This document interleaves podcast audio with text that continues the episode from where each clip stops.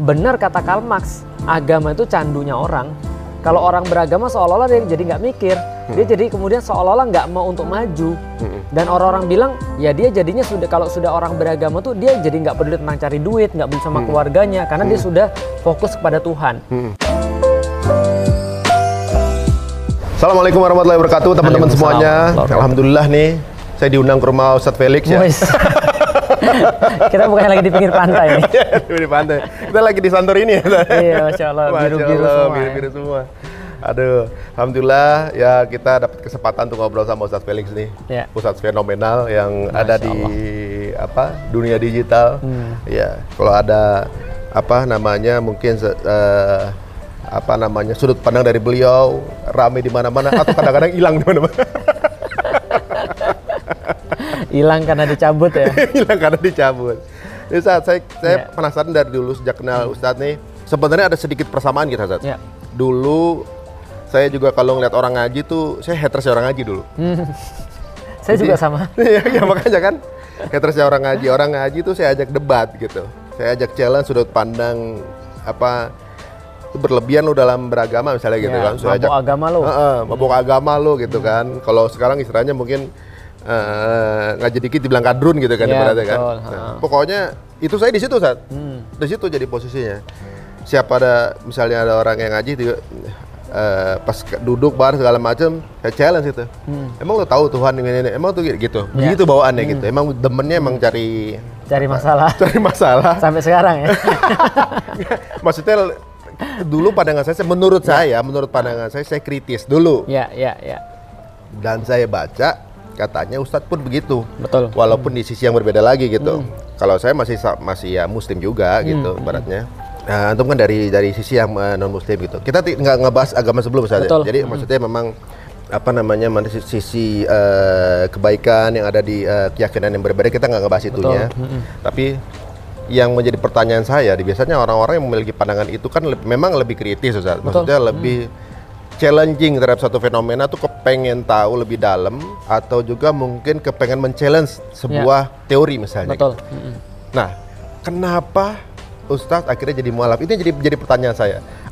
Apanya sih di di waktu saya sempat nanya sama Ustadz Fatih Karim, Ustadz bagian mananya Ustadz saya si Ustadz Felix itu sampai akhirnya bertekuk lutut gitu Iya. ibaratnya. Dulu waktu misalnya saya ketemu orang apa namanya yang bisa menjelaskan itu, Iya. ya mungkin saya juga akan eh, Sama. eh, sama Iya. gitu. Mm-mm. Awalnya gimana, Ustadz? Ya, jadi pertama-tama kita harus sampaikan dulu bahwa nggak ada yang salah pada eh, apa ya curiosity ya, Mm-mm. pada sebuah keingintahuan. Karena keingintahuan itu justru adalah sesuatu yang membuat manusia itu menjadi manusia. Mm-mm. Jadi pernah dibilang sama orang kalau nggak ada curiosity, manusia itu ya sama seperti hewan sebenarnya.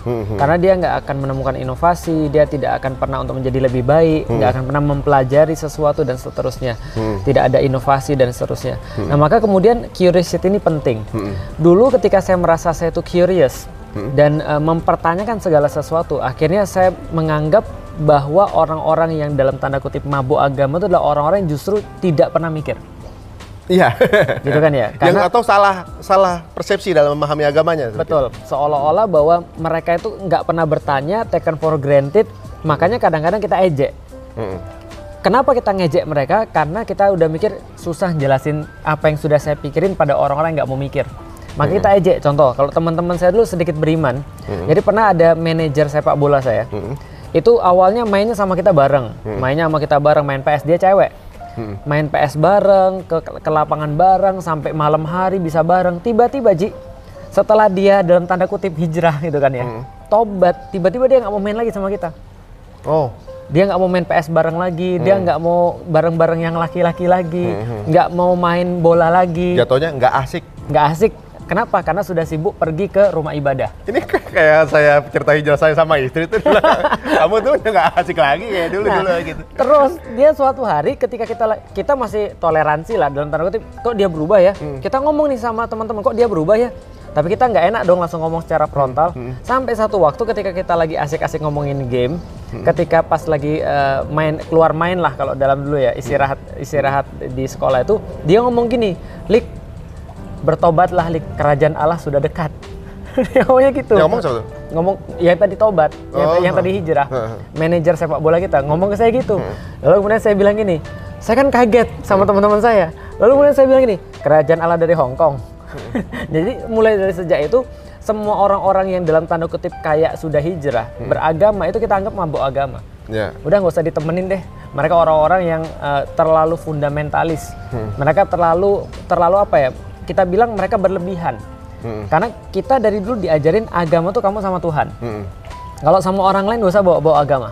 Gitu kan ya. Iya, iya, iya, nah, artinya ini adalah yang kita dibiasakan. Nah, di satu titik saya itu kalau secara singkat menemukan, oh, ternyata ada agama yang justru nyuruh orang mikir. Hmm. Saya jadi bingung, kita merasa kita tuh sud- kita merasa kita tuh sendiri yang mikir. Hmm. Para ateis itu yang mikir. Dan agama tuh justru nggak boleh mikir. Hmm. Tapi dalam satu titik saya menemukan ada agama yang justru kalau ada orang nggak mikir malah disalahin. Ada orang nggak curious malah dibilang dia calon untuk mendapatkan kesulitan dan calon mendapatkan azab. Lalu kemudian saya lihat ternyata agamanya ini agama Islam yang setahu saya dulu nggak gitu. Setahu saya justru agama Islam ini adalah yang paling nggak mikir. Iya, so identik dengan kebodohan salah lagi. Benar, mereka punya identitas dengan kebodohan dan apa-apa nyalain takdir. Kenapa kamu miskin? Sudah takdir. Hmm. Kenapa kamu bodoh? Da- dapat ranking rendah? Ya, memang sudah takdir saya begitu. Maka, maka waktu dulu saya bilang benar kata Karl Marx, agama itu candunya orang. Kalau orang beragama seolah-olah dia jadi nggak mikir, dia jadi kemudian seolah-olah nggak mau untuk maju. Dan orang-orang bilang ya dia jadinya sudah kalau sudah orang beragama tuh dia jadi nggak peduli tentang cari duit, nggak peduli sama keluarganya karena dia sudah fokus kepada Tuhan. Maka kemudian saya pikir ini yang saya temukan nggak gini Islam. Nah poin di mana kemudian saya melihat Islam itu adalah agama yang berbeda bahwa Islam tuh justru nyuruh semua orang untuk mikir supaya dapat Islam. Dan Islam itu ketika kemudian suruh orang untuk mikir ketika dia sudah dapat Islam itu maka Islam menentukan jalan-jalannya yang justru masuk logika. Di Nah, titik itu kemudian saya, saya bilang wah ini berarti mikirnya saya kurang dalam malah. Karena ketika saya mikir terlalu kel- ketika saya mikir dalam lagi di situ ada beberapa hal yang saya nggak bisa nafikan di kalimat apa, Ustaz? Sampai akhirnya Ustaz kayak eh, Uh. ini benar ini ternyata nih yang biasa saya cari nih. Heeh. Ah, sebentar ini kayaknya mah gerah-gerah gini nih. Wah, ini ini ya apa namanya baru baru eh, direkrut, Baru baru. Oh, iya. Orang baru. direkrut ya. Loh, kok bukan Wali lah? Ini kan rumahnya Ustaz Feli. Wah. Tapi yang dibawain ini Kok yang dikasih istimewa. kopinya kopi bekas? Kan punya punya Ustaz tapi nggak mau pakai gula. Oh iya iya iya. benar, iya. benar, benar. Ini cemilan-cemilan ya. Siap. iya, iya. Dari aku ngopi ya. Oh iya iya. iya. Sambil spo- promo Ustaz. Lanjut gimana? Iya, iya. Gimana Ustaz? Itu tadi dari dari dari Hmm. apa namanya? eh, sat, di satu titik di mana satu kalimat yang eh, apa namanya? Sangat menjadi klik gitu ya. Nah, Nah, ketika kemudian saya baca Al-Quran itu eh, dibacain sih sebenarnya. Saya bertemu dengan satu ayat judulnya wa ingkung tumfi mimma nazalna ala abdina fa'tu bisurati. Dan bila kamu tetap dalam keraguan dengan apa yang kami turunkan terhadap hamba kami Muhammad, maka datangkan satu surat yang semacamnya. Ini ayat bukan ayat sembarangan. Ketika saya dengar ini, ini kayaknya sombong banget. Kenapa? Karena ayat tapi nantang nantangin orang-orang untuk mendatangkan yang semacam dengan Al-Quran. Jadi seolah-olah gini, kalau kamu bener, Lik, kamu datangin yang semacam dengan Al-Quran. Cari ayat yang paling pendek, cari surat yang paling pendek, kamu datangin yang semacamnya, berarti Al-Quran salah, kamu benar.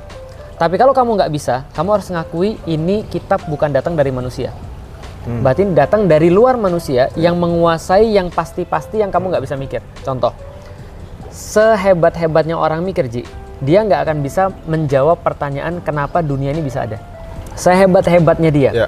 sekeren-kerennya teori dia, tapi kejadian dunia ini terlalu rumit untuk bisa dijelaskan oleh manusia.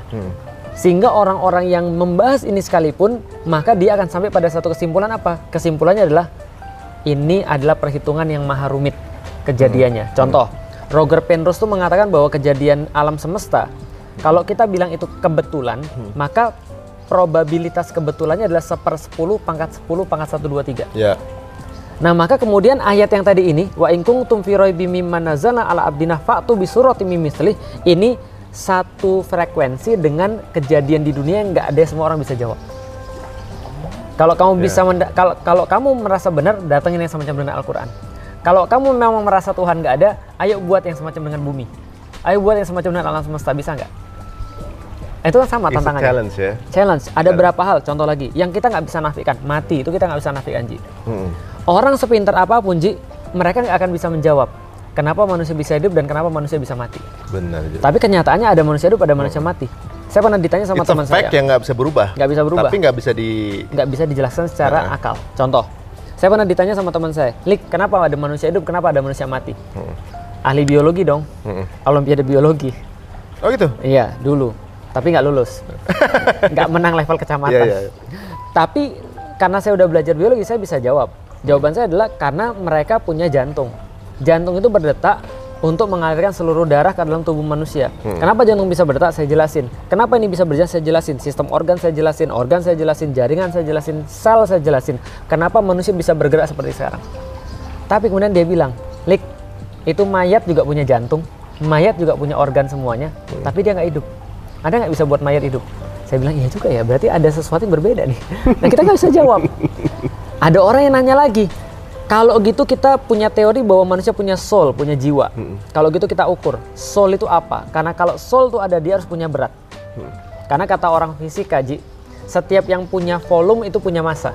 Iya. Setiap yang punya massa pasti punya volume. Mm-mm. Kalau dia menempati ruang, pasti dia punya Ada berat. volume. Ada volumenya, ada volumenya, Ada ada, beratnya. Maka kita ukur berapa jiwa itu beratnya berapa. Mereka mereka nimbang orang sakaratul maut, Ji. Hmm. Dan setelah setelah mati udah hilang nih teorinya harusnya ada yang berkurang be- eh, berat badannya. Hmm. Karena ada roh yang keluar. Iya. Kayak film Ghost gitu, Ji. Iya benar. Ternyata nggak ada, Ji. Jadi apa yang menghuni manusia sehingga manusia bisa hidup? Kita nggak tahu. Nggak nah, sampai ini semua gitu. dijelaskan sama yang tadi. Kalau kamu bisa mendatangkan semacam dengan Al-Quran, kamu benar. Kalau kamu bisa ngidupin orang mati, kamu benar. Kalau kamu bisa menjawab teka-teki dunia yang nggak bisa kita bahas tadi, maka kamu benar. Tapi ada nggak bisa jelasin? Nggak ada. Nggak ada. Ya kalau yang saya tahu mah sejauh ini teori yang paling dekat dengan kemungkinan itu kan baru ditemukan abad 19 ya Stephen Hawking ya. Eh Iya. Stephen Hawking benar kan katanya? Ya, tentang gravitasi. Nah, tentang be- be- ini apa namanya Big, Big Bang. Bang. Big Bang. Dia bahas bahwa eh, Big Bang itu bisa jadi seperti sekarang karena gravitasi. Ujung-ujungnya dalam bukunya itu. Tapi Oh. gravitasi juga gravitasi yang mana? Dan gravitasi itu adanya dari mana? Itu kan perlu dipertanyakan lagi. Iya iya. Kalau benar. misalnya gravitasi dikatakan kekal, nggak mungkin. Karena sebelum di dunia ini bahkan sebelum gravitasi harus ada time, harus ada waktu. Nah jalannya waktu itu siapa yang ngatur juga? Bingung semua jadinya. Karena sebelum uh, ini agak jelimet ya. Contoh kayak ini. Teori Big Bang Ji. Big Bang itu ledakan besar. Ya. Asal teorinya tuh gini. Kita kayak niup balon. Hmm. Kita pas balonnya kecil, kita titik-titikin tuh. Hmm. Kita tiup, semakin besar balonnya, titik-titiknya semakin menjauh. Iya. Maka Makin bintang expanding. expanding. expanding. Titik-titik di dunia ini alam semesta semakin menjauh. Hmm. Nah, itu artinya kalau kita putar balik waktu, Ji. Putar balik waktu, tit, putar, dia semakin mengkerut, mengkerut, mengkerut, mengkerut. Jadi Se- satu se- titik. segede cangkir kopi katanya. Eh, lebih kecil lagi. Lebih kecil lagi ya? Kata mereka satu titik yang volumenya itu nol, Hmm. tapi masanya tidak terhingga. Bingung kan? itu di luar itu di luar konsep juga berarti. Di luar konsep fisika. Heeh. Nah, di titik ini waktunya juga nol. Tapi kalau sebelum ini waktu nih sebelum ada waktu. Ada apa kemudian kita nggak ngerti. Mm-mm. Apakah Something kemudian tak terhingga yang udah beyond dari kemampuan manusia. di luar kemampuan manusia karena waktu belum ada. Ibarat kalau kita lagi ngedit video, itu belum ada perjalanan time frame. Ya. Nah, bingung kan jadinya kan? Mm-mm. Nah, jadi itu adalah beberapa hal yang kita tuh memang nggak bisa bahas. Manusia tuh diciptakan untuk mengakui keterbatasan dirinya. Mm-mm. Dan ada satu kitab yang bilang bahwa yang nyiptani nggak nggak terbatas. Yang kamu nggak bisa jawab tadi. Itu semua yang dia ciptain. Iya, iya, benar, ada yang klaim. Nah, kalau kamu ragu, kamu datangin yang semacamnya. Kalau kamu ragu, kamu hidupin manusia. Iya iya iya iya. Waduh. Benar juga. Ya memang harus dengan pemikiran dan Hmm.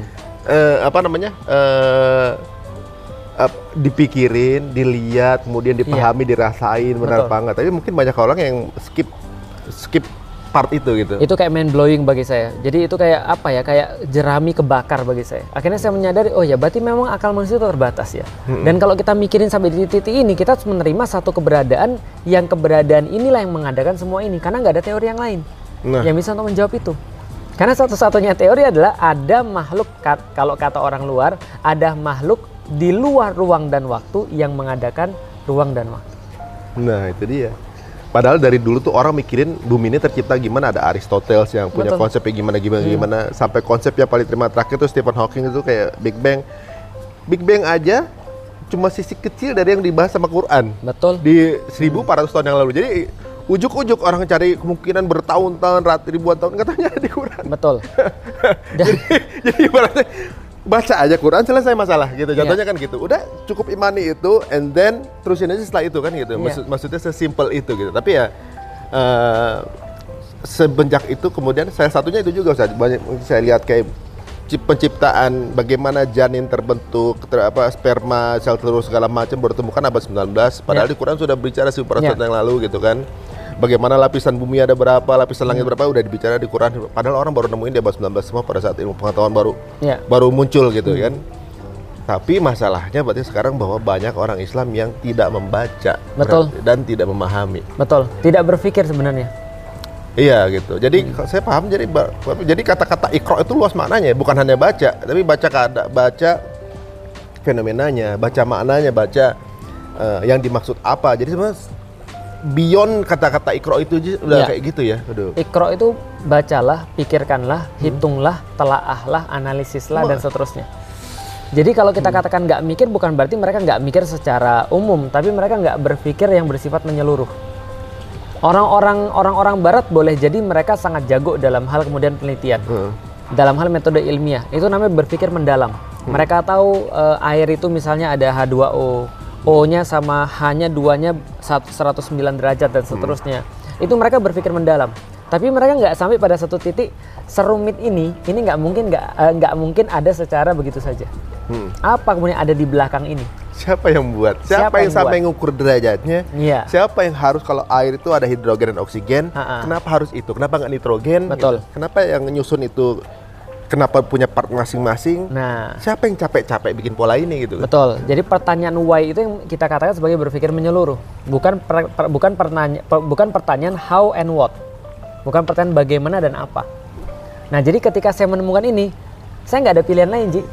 Saya nggak ada pilihan lain. Kalau saya nggak bisa untuk menjelaskan semua ini, saya harus terima bahwa semuanya di belakangnya ada Allah, ada Tuhan kan itu kan ya. Dan kalau ketika saya nggak bisa mendatangkan yang semacam dengan Al-Quran, saya harus terima bahwa ini adalah satu-satunya kitab yang kemudian mengarahkan manusia.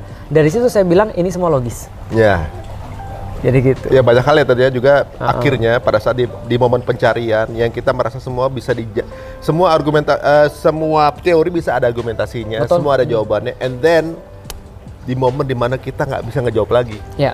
ya kita kita kita ngerasa stuck, eh ternyata lu bener ya, itu yang Betul. terjadi juga sama saya sama teman saya, maksudnya teman challenge ya, teman ngobrol, teman debat segala macam yang dia anak pengajian, saya Hmm, bukan, di mana biasanya saya punya teori yang saya rasa udah terlalu kepedean gitu kan. Makanya kayak kadang-kadang suka nakal di, di- itu kan karena Iya. karena ke bawah zaman dulu saat itu kadang-kadang misteri misteri dan bawaan lama ini masih ada gitu Iya. yang yang suka Bandel-bandel jahil dikit, suka nah, ngomongnya agak sedikit satir segala macam Ya, itu kan gaya-gaya mempertanyakan segala sesuatu. Heeh. ha. Itu kan dari itu sisa-sisa zaman dulu. Jadi Iya. ibaratnya dulu suka begitu sama orang. Sampai pada saat satu saat apa namanya beliau bukan tipe yang jago argumentasi, tapi mungkin dasar-dasar yang dia punya ya sesuai Quran Hmm. aja dan kemudian apa yang diutarakan dia bikin saya bikin saya kayak eh jadi di situ bedanya mungkin dulu debat awalnya cari pembenaran kemudian ketemu dicari kebenaran gitu ya. Iya. ketika ketemu oke benar kamu benar dan saya nyerah gitu. Ibaratnya oke mulai saat itu mulai pelan-pelan. Hmm. dan di situlah mulai akhirnya ngaji. Tapi tapi memang ternyata butuh waktu ya untuk untuk proses itu. Dan Betul. nggak nggak nggak ujuk-ujuk tiba-tiba eh, apa namanya kemudian jadi paham makanya ketika ketika kadang di sosmed itu tuh banyak yang suka nyerang banyak Iya. yang apa segala apa banyak hater segala macam saya jadi ma- maklum karena saya dulu di situ jadi ngerasa bahwa tenang teman-teman nanti suatu waktu kalau teman-teman tahu Ya. akan berbeda pandangannya sama kita Betul. dan juga ya kita juga memaafkan apa yang udah dilakuin teman-teman kita Ya. juga nggak marah mau sekejam apa tuh kata-katanya jadi gitu rasanya. Betul. Kita bisa relate. Jadi bisa dilihat karena saya dulu di situ gitu Benar, kita dulu juga ngejekin orang, kita juga menghina orang.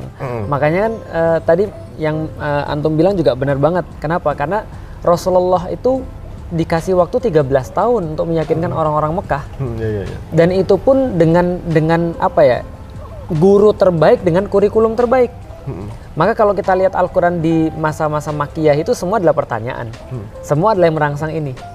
Afala takilun Hmm. gitu kan ya. Afala yatafakkarun dan seterusnya. Mikir dong mikir dong kok kalian nggak mikir sih? Kok kalian nggak berakal sih? Dan segala macam. Hmm. Allah tuh setiap kali coba lihat coba lihat coba lihat. Hmm. coba lihat langit ada nggak retaknya?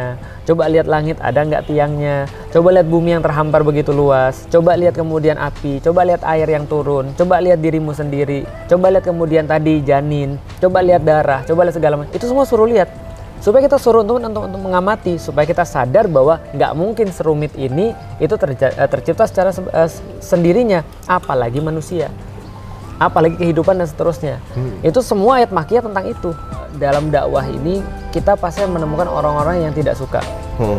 artinya jangankan kita menjadi orang-orang yang salah. Hmm. orang benar juga pasti akan tidak disukai. Apalagi kalau kita salah Hmm. jadi kalau kita salah, kita akan mendapatkan haters. Orang benar juga akan mendapatkan haters. Nggak ada yang bebas. Mau benar mau salah. Alhamdulillah Mas